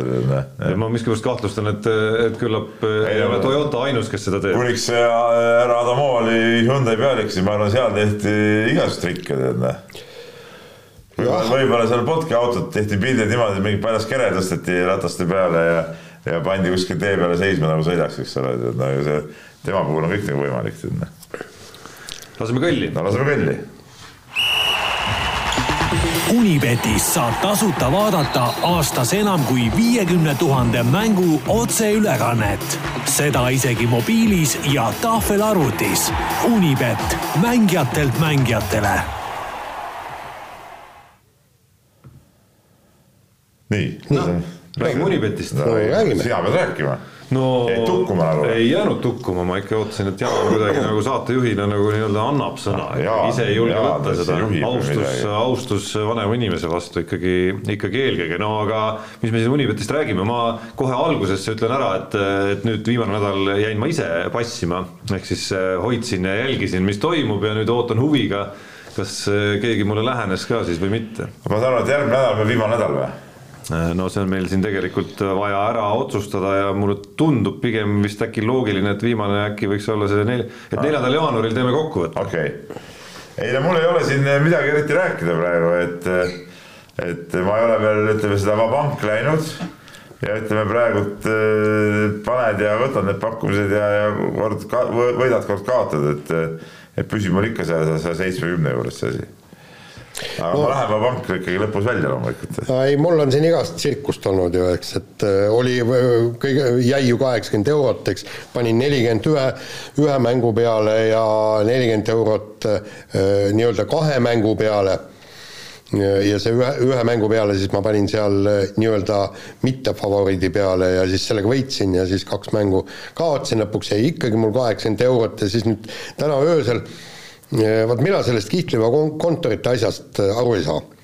et seal on öö, äh, äh, favoriit, koefitsient üks koma kolmkümmend viis. nii, ja teine sats on siis kaks koma kolmkümmend viis on. nii, ja väike klikk tuli teha ja see praegu on koroona on ka NFL-is seal sees ja seal igal pool kirjutavad jah, mõlemast me meeskonnast on üle kümne mängija puudu, aga nii-öelda selle favoriidi, favoriidil puuduvad olulised mängijad ja kõik see on niimoodi lahti kirjutatud, spetsialistid. ja ikka on seal Kihtmäe kontoris see, et see, kes peaks tegelikult favoriit olema, on kaks koma kolmkümmend viis, muidugi no. panin selle peale, võitsin muidugi no.. nii et mul on nüüd sada kuuskümmend eurot, noh. rohkem ei pannud, sest kui sa sellise, sellise briljanti leidsid. täitsa rinnale tulnud. ei, saad aru, ega noh võit oli napp, eks, ja, ja kõik, ma ei tahtnud äh, kõik, kõike raha äh, kohe praegu veel ära kulutada, eks, aga, aga praegu on jah, sada kuuskümmend eurot on ja ja, ja ei, sellega on kena no nii, no igatahes vähemalt äh, põnevus saab olema lõpuni meil selles heitluses, kus nagu nagu tuletame oma kuulajatele meelde ikkagi, kes võidab siis selle võidusumma läheb võitja valikul heategevaks ma, ma just, just praegu saate ajal siin praegu rääkisime, tegin ühe väikse rivipanu selle vimkaga. kui võidan, on sada üheksa kohe juures. võimas. ossa Nonii, äh, mehed ei nuta eripanus on ka tulekul, sai see palve sisse, sai see palve sisse antud, puudutab äh, loomulikult korvpalli ja puudutab meie tegelikult viimase aja kuumimat äh, kossumeest ehk siis Mait-Kalev Kotsarit, kes on siin, paneb ikka, paugutab vägevaid mänge ja vägevaid pealtpanekuid ka et üks mees, kes ikkagi nagu korralikul tasemel on, on, on, on oma taset ikkagi kinnitamas iga nädal nii-öelda nagu mitu korda ka veel. ühesõnaga Hamburg Towers mängimas võõrsil Trento vastu ja, ja sealt see eripanus on tulemas. me siis ootame Kotsari siirdumist kõrgemale tasemele muidugi no järgmisel hooajal ma ja, no, julgeks no, pakkuda. seda ma räägin. jaa, aga muide e, eelmise aasta ju Unibeti eripanus oli ju väga hea kas Möö tuleb esikolmikusse. jaa, oli kusjuures ja, ja kaks koma, kaks koma kolm oli koefitsient ja võitis. no nagu ma ütlesin, et, et Johannes Tingnes Pöö esikolmikusse koefitsiendiga üle kahe, no sellist asja nagu väga tihti ei näe, on ju. tõsi, me nägime sealsamas äh, Prantsusmaal toimunud MK-etapil äh, nagu siis Mastardis nägime ka väga hästi, miks see oli ikkagi kaks koma midagi, et seal läks asi vanal ikkagi nagu täiesti untsu, mis omakorda, kui me laskesuusast rääkisime Äh, Peep vaatab kella siin juba, aga äh, no esiteks, ma ei tea, kas sa vaatasid seda Prantsusmaa võistlust, sattusid vaatama? ei, ma ei vaadanud. et see oli, see oli nüüd selline võistlus, kus äh, Hannes Siis kui sa nüüd vaatad nagu rajaäärset publikut, noh siis nagu levinud asi, mida sa näed raja ääres, on see, et seal nagu ütleme siis nagu teie istute kõrvuti siin on ju nagu inimesed inimese kõrval vaatavad võistlust. aga mida me seal nägime, oli siis see, kuidas seal oli nagu umbes nagu seitse rivi inimesi.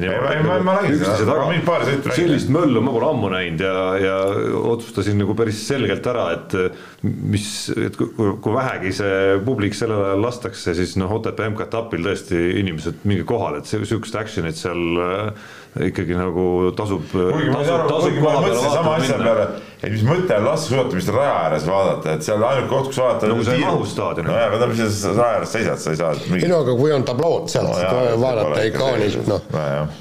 nii, aga lähme nüüd kirjade juurde, said ühele poole. jaa, lähme.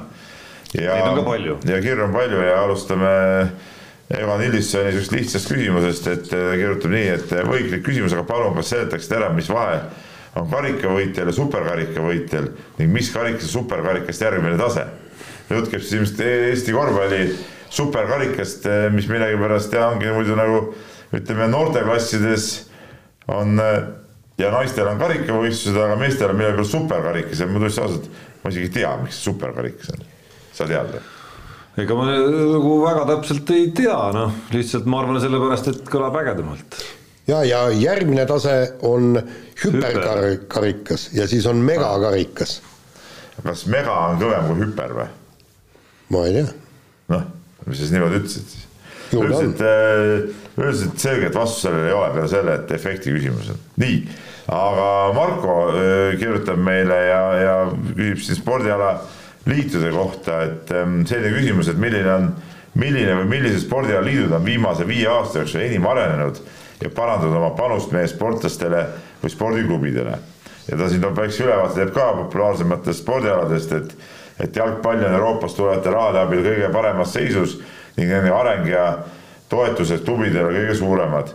Äh, see on ka muidugi loogiline, sest käibevahendeid jagub. Äh, korvpall ehk siis Marko Meedisaar kirjutab, tegutseb minu hinnangul muutusteta, ainus elluviidud asi on korvpallikodu, samal ajal lätlased leiavad vahendid, et näiteks kolm korda kolm korvpalli edasi arendada ja meie istume samal ajal käed rüpes.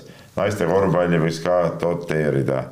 Äh, võrkpall ei ole samuti olnud kuulda, et seal miskit suurt muutunud on või edasi oleks arenenud et mõeldes Eesti spordi üldi, üle üldisele arengule, siis jääb mulje, et midagi pole suuresti alaliitudes muutunud. et juhid küll muutuvad ja juhtkonnad ka mõnevõrra, aga regulaarset, regulaarset arengut pole võimalik näha no aga paraku ta tegelikult nii ongi, ma hakkasin mõtlema just nende nii-öelda väiksemate alaliitude kohta, no individuaalalaliitude kohta, et et seal võtame kas või Suusaliidu, kus nad tegelikult on kõvasti pange pannud, on, on ju see, kui olid head ajad, siis oleks tulnud arendada esiteks noortesporti märksa jõulisemalt selle asemel, eks, et et, et poputada meie, meie suuri staare. aga raha tuli staaride pealt? Äh, tuli, tuli küll, aga põhimõtteliselt sa, sa, sa leiad, sul on niivõrd hea, praegugi leitakse sponsorid ikkagi ka noortespordi pealt, nii, nii Kelly pealt kui ka äh, Ilvese pealt, eks, noh, leitakse nende kaudu raha ka, ka allapoole me magasime täiesti maha naiste suusahüpped, naiste kahevõistluse, meil võiks olla ju tegelikult, kui me oleks hakanud juba sellega viisteist aastat tagasi tegelema, teades ette, et see kunagi tuleb, et, et me oleksime märksa tugevamad olnud, aga, aga alaliitude probleem ongi see, et, et noh, võtame kas või see vehklemise äh, alaliidu, et, et nad seisavadki ühe, ühes kohas paigas. mitte midagi, mitte midagi ei toimu, mitte mingit arengut ei toimu, tegeletakse ühtede samade asjadega kogu aeg ja ja nagu siuksed eh, ei kasutata oma võimalusi ära lihtsalt. just, nagu aga, aga, aga seal ongi see, et, et kui palju meil on Eestis nii-öelda supermänedžere a la äh, Mati Alaver, kui, kui ta suutis müüa öö, oma produkte.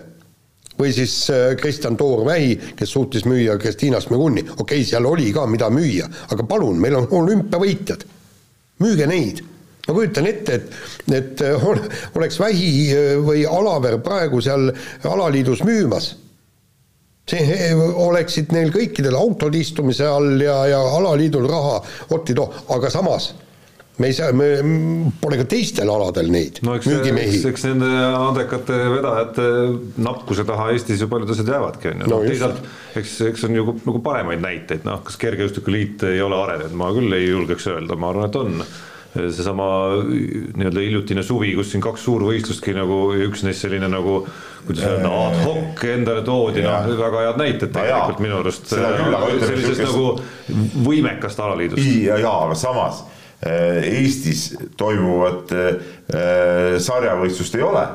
näiteks, mis on olnud, on olnud äh, kunagi alaliit korraldas, siis oli erakätes, aga rahapuuduse lõpuks see kadus ära ja see näiteks on, on ka kergejõustiku suur, suur puudus. et, et eh, jah, seda tehakse väga häid asju, aga, aga samas alati saaks nagu veel juurde panna. Noh. jah, kuigi mul on jäänud ka mulje, et eh, kas meil nagu äh, sportlastel vajadust on selle sarja järele, et et siis, kui midagi toimub, siis võistlejaid jälle stardis ei ole. no vot kergejõustikus Eestis on jah see häda, et nad kõik tahavad hirmsasti trenni teha, võistelda keegi ei taha. aga, aga seal saab alati teha ju kokkuleppeid eks, et kuna alaliit maksab toetust ja siis ongi, võib-olla tehku kas või siis neli võistlust, millel eh, kolmel peab sportlane osalema. ja hea teine on see, et, et eh, noh, see oleks tarvis kas ala propageerimiseks oleks tarvis, ütleme, teha üle Eesti neid igal pool, asi ei ole ainult ju, ju, ju kergesti, võtame samad vehklemisliidu, me oleme rääkinud ka, et võtnud need, võtame need kuus või kaheksa naist ja paneme tiirutame nendega Eestis mingid kohad läbi ja paneme mingi papi vahele ja las kütavad tead noh. Ja- ja, ja, ja huvi kohe tõuseb ju ja, ja vaata kergejõustikus oli ju, mäletad, kui oli Narvas oli kõrgushüppevõistlus, vaata kus rahvas tuli see ei olnud vaatama. Narvas, see oli Sillamäel. Või Sillamäel, jah. ma ise käisin seal Ja- ka. ja- kunagi varem ma mäletan ka Haapsalus sellist mm. -hmm. ei no absoluutselt staadion, see Sillamäe oma. Ei, ei, mitte staadionil, vaid seal seal kuskil- lossi, kandis, õpetati jah. teivast ja asju ja, jah, ja, ja jah, noh, et täpselt, et eh, niisuguseid võistlusi võib ju teha, lepid sportlastega kokku, tood mõned tood mõned välisvõistlejad ja paned noored ka sinna ja saaks päris hea satsi kokku. nii äh,, lähme edasi Kokapoisi kirjaga. kirjutan nii, et viimati kirjutasin ja küsisin üheksakümne kuuenda aasta jalgpallimängu kohta Kadriorus ja selle ajendit uuriks, kas teil on mõni spordisündmus edasi lükatud või ära jäänud eriti totra ilmastiku pärast. jaksu ja jõudu, jõudu on tarvis minul tuleb kohe esimesena meelde, kuidas me Jaaniga äh, magasime äh, seal äh, hotellis koos ja oli Otepää MK-etapp ja öösel tuli siuke torm ja, ja jäi ära võistlus, hommikul polnudki midagi. no põ- põhimõtteliselt puud, see puud ja telgi, puud ja kelgid kõik lendasid minema ja aasta võis olla kaks tuhat kolm, neli, viis kuskil. ja um, umbes seal ja siis oligi niimoodi, sprindivõistlus pidi toimuma, on ju. Teise päeva võistlus, esimene päev oli võistlus äkki. ja, ja, ja seal oli siis ja teise päeva võistlus ja seal oli kõige hullem oli see Tallinna sõit, kuna kiilas jää oli ju tee peal ja meeletu tuul ja see lihtsalt pühkis auto sinna kraavi ära. üks aasta jäi Otepääl ka külma pärast ära minu arust. esimene päev. jah. jah, jah, ja sula pärast on ka ära jäänud. mulle meenuvad mingid loigud ja asjad. jaa, ei, aga mäletad, esimene Otepää MK-etapp, kus oli te- vihmasajus loigus ju.. jah, see toimuski loigus, aga, aasta aga tuhat just üheksasada üheksakümmend üheksa. jah, et no põhimõtteliselt just suusavõistlused, see on rohkem nagu ilmastiku tõttu ära jäänud. kergejõustikut vist ei ole paduvihma ja see on ikka seal toimunud. on pause on tehtud, oli, ma mäletan, Helsingi mm kaks tuhat viis, kus tuli hirmus sadu korra maha ja siukseid, siukseid pause on tehtud, aga üldiselt need on ikkagi, ikkagi edasi läinud pärast seda, tead noh aga, aga siuksed jah, mis, mis veel, kus midagi oleks ära jäänud, mingi korvpallis või seal mul nagu ei tule meelde, et midagi oleks. Ei meenu jah, sellisel kujul, harrastajate tasemel äh, noh, Jaan teab väga hästi, golf on ala, kus, kus väga noh, ilm ikkagi ütleme, mitte ainult ei sunni ära jätma nagu nii-öelda nagu, et kuidagi ei saa mängida, vaid noh, kui äikest tuleb, siis, siis on see lausa nagu kohustuslik on ju, sest asi läheb ohtlikuks on ju. mulle meenub, see võis olla isegi mu elu esimene nagu harrastajate golfi, golfivõistlus, see oli siis see äh, Jõelähtme klubis toimuv äh, nii-öelda golfi kolmapäevakute sari. ma ei, ma ei välista, et see oligi nagu esimene kord, kui ma sinna läksin, sest see oli nii vara kevad, õues oli äh, nagu, nagu tellitult oli, see oli kevadine aeg, kus õues oli, sattus selline päev, kus oli, ma ei tea, paar kraadi sooja umbes Äh, paduvihma sadas, sadas taevast alla ja nagu torm oli ka veel Jõelähtme ülemine väljak, mis on hästi tuuline. ja see võistlus katkestati kusagil poole peal äh, olukorras, kus pooled võistlejatest olid niigi juba ise katkestanud. mina läksin küll uljalt nagu nii-öelda nagu teisele ringile, üheksa rada oli läbitud, kümnendale vastu meie flight'ist neljasest kaks tükki olid juba loobunud, on ju, aga siis kaks olid alles, läbi märjad ja külmunud, aga ikkagi nagu vapralt läksime võit juba terendas selles mõttes, et eh, noh, ilmselt kui me oleks kaheksateist ära mänginud, kõik, kes kohale, kohale oleks jõudnud, oleks esikolmikusse saanud, aga need rööviti ikkagi ära. Ja me, mul on katkestatud võistlus lumesaju tõttu, tuli paksu laia lund ja, ja põhimõtteliselt noh, green'id olid kõik lume, lume all ja siis katkestati võistlus ära, niisugused huvitavad asjad. ma olin seitsmendal rajal, ma mäletan. nii, aga läheme kirja juurde ja, ja räägitakse niimoodi, et eelmises saates arutasite erinevate spordialade võimalusi Pekingi taliolümpiale jõudmiseks. üks ala jäi teil vahele, naiste iluuisutamine. Peale võistlust räägiti palju kiibuse vigastusest, aga tegelikult oli, no jutt käib siin Eesti meistrivõistlusest, oli siis äh, äh, Petrkina tulemus kümme punkti parem kui kiibuse isiklik rekord. ehk hetkel kehtiva isikliku rekordi juures kiibus, ei oleks kiibus meistriks tulnud et Kiibuse rekord on kakssada kaks, aga eh, Petrõkina sai kakssada üksteist punkti. ma kohe muidugi ütlen siin vahele nüüd ära, et kirjasõber aru ka saaks, et Eesti meistrivõistluste punktid ei, ei lähe tegelikult eh, rekordi arvestusse, et Eesti meistrivõistlustel ütleme, see kiibuse kakssada kaks, aga Estikatel on pakkunud välja mingi kakssada kolmkümmend või, või midagi sinnakanti. No umbes nii, et need hindamised on, on hoopis, hoopis teistsugused ja arvestatakse ainult tiitlivõistluste eh, või siis isu neid eh, suurte võistluste tulemusi. et eh, et, et see ongi nagu, miks ma selle kirja võtsin, et noh, ta siin seletab nagu, nagu me oleks midagi nagu valesti teinud või, aga ei, tead, see ongi nii, et, et, et ilustamises vaadatakse ikkagi ainult suurvõistluste punktiskoori ja EM-ile saavad mõlemad minna ja nüüd vaatame, mis siis äh, Petrõkina EM-il teeb. ja, ja ta küsib veel siin kirja lõpus, et, et, et millised on äh, siis äh, olümpia need kriteeriumid, eks ole, et, et, et saaks äh, või kes olümpiale läheb või mis peab kiibus tegema, et olümpiale saada. ei no ta on juba peal. tema on nagu peal, eks ole, siin ei ole nagu mingit küsimust, et see Petrõkin võib seal teha, mis tahab, et seal nagu midagi ei muutu. kui nüüd ütleme, vigastus äh, kiibust täitsa maha ei võta. kuigi huvitav olukord oleks küll, oletame tuleb siis, äh, tuleb siis äh, Euroopa meistriks näiteks ja siis olümpiale ei saa. no, no aga järjekordne ütleme diletantlik, ütleme välja. ei, ma tean, et ta ei tule selles mõttes, see, see ei ole realistlik, on ju, aga, aga teoreetiline selline nagu. Euroopa meistrivõistlused tuleb, võidab ilmselt ka tulevane olümpiavõitja, ma arvan, nii. ja võtab viimase kirja, teadlane Priidik eh, kirjutab meile ja, ja kirjutab nii, et edukaks tippsportlaseks saamiseks tuleb kasuks suuremat sorti annus egoismi, mis aitab taluda vajalikku taseme saavutamiseks nõutavaid pingutust ja langetada ka karjääri tarbeks vajalikke otsuseid, näiteks treenerite vahetamine. kuid tihtipeale jätab see jälje ka inimese suhtlemisoskusesse, seda ka pärast karjääri lõppemist.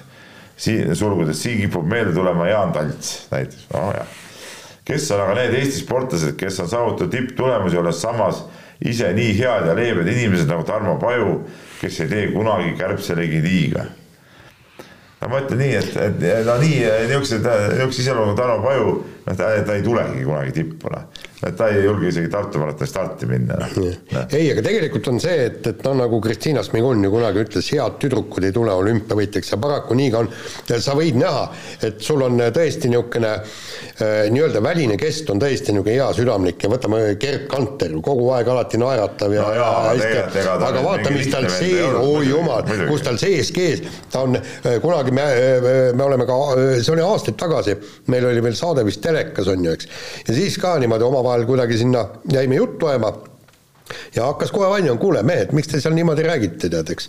et, et, et ta ei ole üldsegi lihtne persoon, kuigi pealtnäha välja paistab. ja, ja kui me võtame kõik need, needsamad vehk-, vehklejad. oh jumal Need on tegelikult, on, on võitlejad, nad on hinges, on ikkagi võitlejad ja pealt on tõesti niisugused leebed tüdrukud. ei no siin tuleb ju eristada ikkagi nagu seda noh, nii-öelda nii-öelda tavaelu, ma ei tea, kõnemaneere ja, ja käitumist ja kõike seda ja sellega, mida inimene siis teeb, ma ei tea, trennis, võitlusväljal, võistlusareenil ja nii edasi, on ju, et, et ma arvan, me tunneme väga paljusid noh, nagu selliseid, kuidas öelda, noh tõesti leebeid ja igas olukorras äärmiselt äh, viisakaid, mitte kunagi kellegagi tülli minevaid inimesi on ju. Äh, kuni maailma tippsportlasteni välja, kes on nagu sellised nagu džentelmenid justkui nagu musternäidised on ju, ma ei tea, Roger Federer näiteks või noh, Pete Sampras, äh, kui tennise juurde minna, oli ju ka selline nagu või Tim Duncan oli korvpalliareenil näiteks selline nagu justkui nagu sihuke mal-, malvuse tipp nagu noh, nii-öelda nagu no, jah, nii oma eneseväljenduse kõigega, aga see ei tähenda, et, et see kuidagimoodi, et nad nagu palliplatsil näiteks ja. oleksid kuidagimoodi, ma ei tea, vähem halastamatumad näiteks või trennis, kui mõni nende nagu oluliselt no,, oluliselt nagu robustsema mulje jättev äh, konkurent. aga üldjuhul jõuavad ikkagi spordis tippu need, kes on, on ka noh, oma olemuselt ongi sellised nagu teistsugused ehk, ehk nagu noh, ütleme, need on üksikud näited, need nii-öelda paipoisi või, või, või hea tüdruku näited või mõned üksikud jah, kes, kes väliselt suudavad seda muljet jätta ja siis jõuavad kuhugi, aga üldjuhul jõuavad tippu need, kes nagu ongi, nad on tavaelus ja, ja palliplatsil või staadionil või, või ongi siuksed, siuksed äh, käredamad, tead. mul näiteks mul hea näide, ma Tarmo rääkisin ka peale eelmist saadet, kui ma olin siin äh, rääkinud äh, NCAA korvpallist siis Gerg Riisa saatis mulle pika, pika kirja ja, ja ja, ja riides seal sellepärast, ma ütlesin, et tegemist on, on laste, lasteliigaga, eks ole, tead noh, okei okay,, nagu üliõpilasliiga, siis parandame ennast natuke. aga, aga ütleme seal tõi mingeid äh, detaile välja, no ütleme, ütleme Gerriga teades, ütleme tema ka sihuke, kes ikkagi noh, nagu ütleme ranginaga läheb, tead noh, see paistab ka nüüd äh, tulemustest välja, eks ole, et noh no siukseid vendi on küll noh hmm.. Ma, ma olen seda näidet. ütleme näiteks Ott Tänakuga, ütleme, kui palju ütleme on, on ütleme temaga olnud ka siukseid hetki, kus ütleme, oleme saanud siin võtta ikka omajagu, eks ole. samas mingitel hetkedel need kõik nagu nagu okei okay,, aga need, tulemused tulevad, eks ole, midagi teha pole. ja ma olen seda näidet, näidet rääkinud, kunagi aastaid tagasi tehti bridžimängijate seas küsitlus, pandi siin äh, mingi kakskümmend, kolmkümmend iseloomujoont pandi siis äh, paika ja siis paluti, et, et valige nendest, mis on, äh, järjestage ära, et, et mis on kõige tähtsamad selleks, et jõuda tippu. ja kujutage ette, need samad leebed kaardimängijad, eks seitsekümmend protsenti tipp-bridži mängijatest pani kõige tähtsamaks tapja instinkt peab sul olema. no nii on. no vot ja noh, seesama tapja instinkt nende samade noh, loetletud justkui nagu pealtnäha väga meeldivate tippatleetide puhul, noh, ma ütleks, väljakul on neil kõigil seda olnud ikkagi nagu, nagu kuhjaga. noh, teistpidi nad ei oleks sinna tippu jõudnud. just, aga sellega on saade läbi ja kuulake meid järgmine kord. mehed ei nuta. saate tõi sinuni Unibet, mängijatelt mängijatele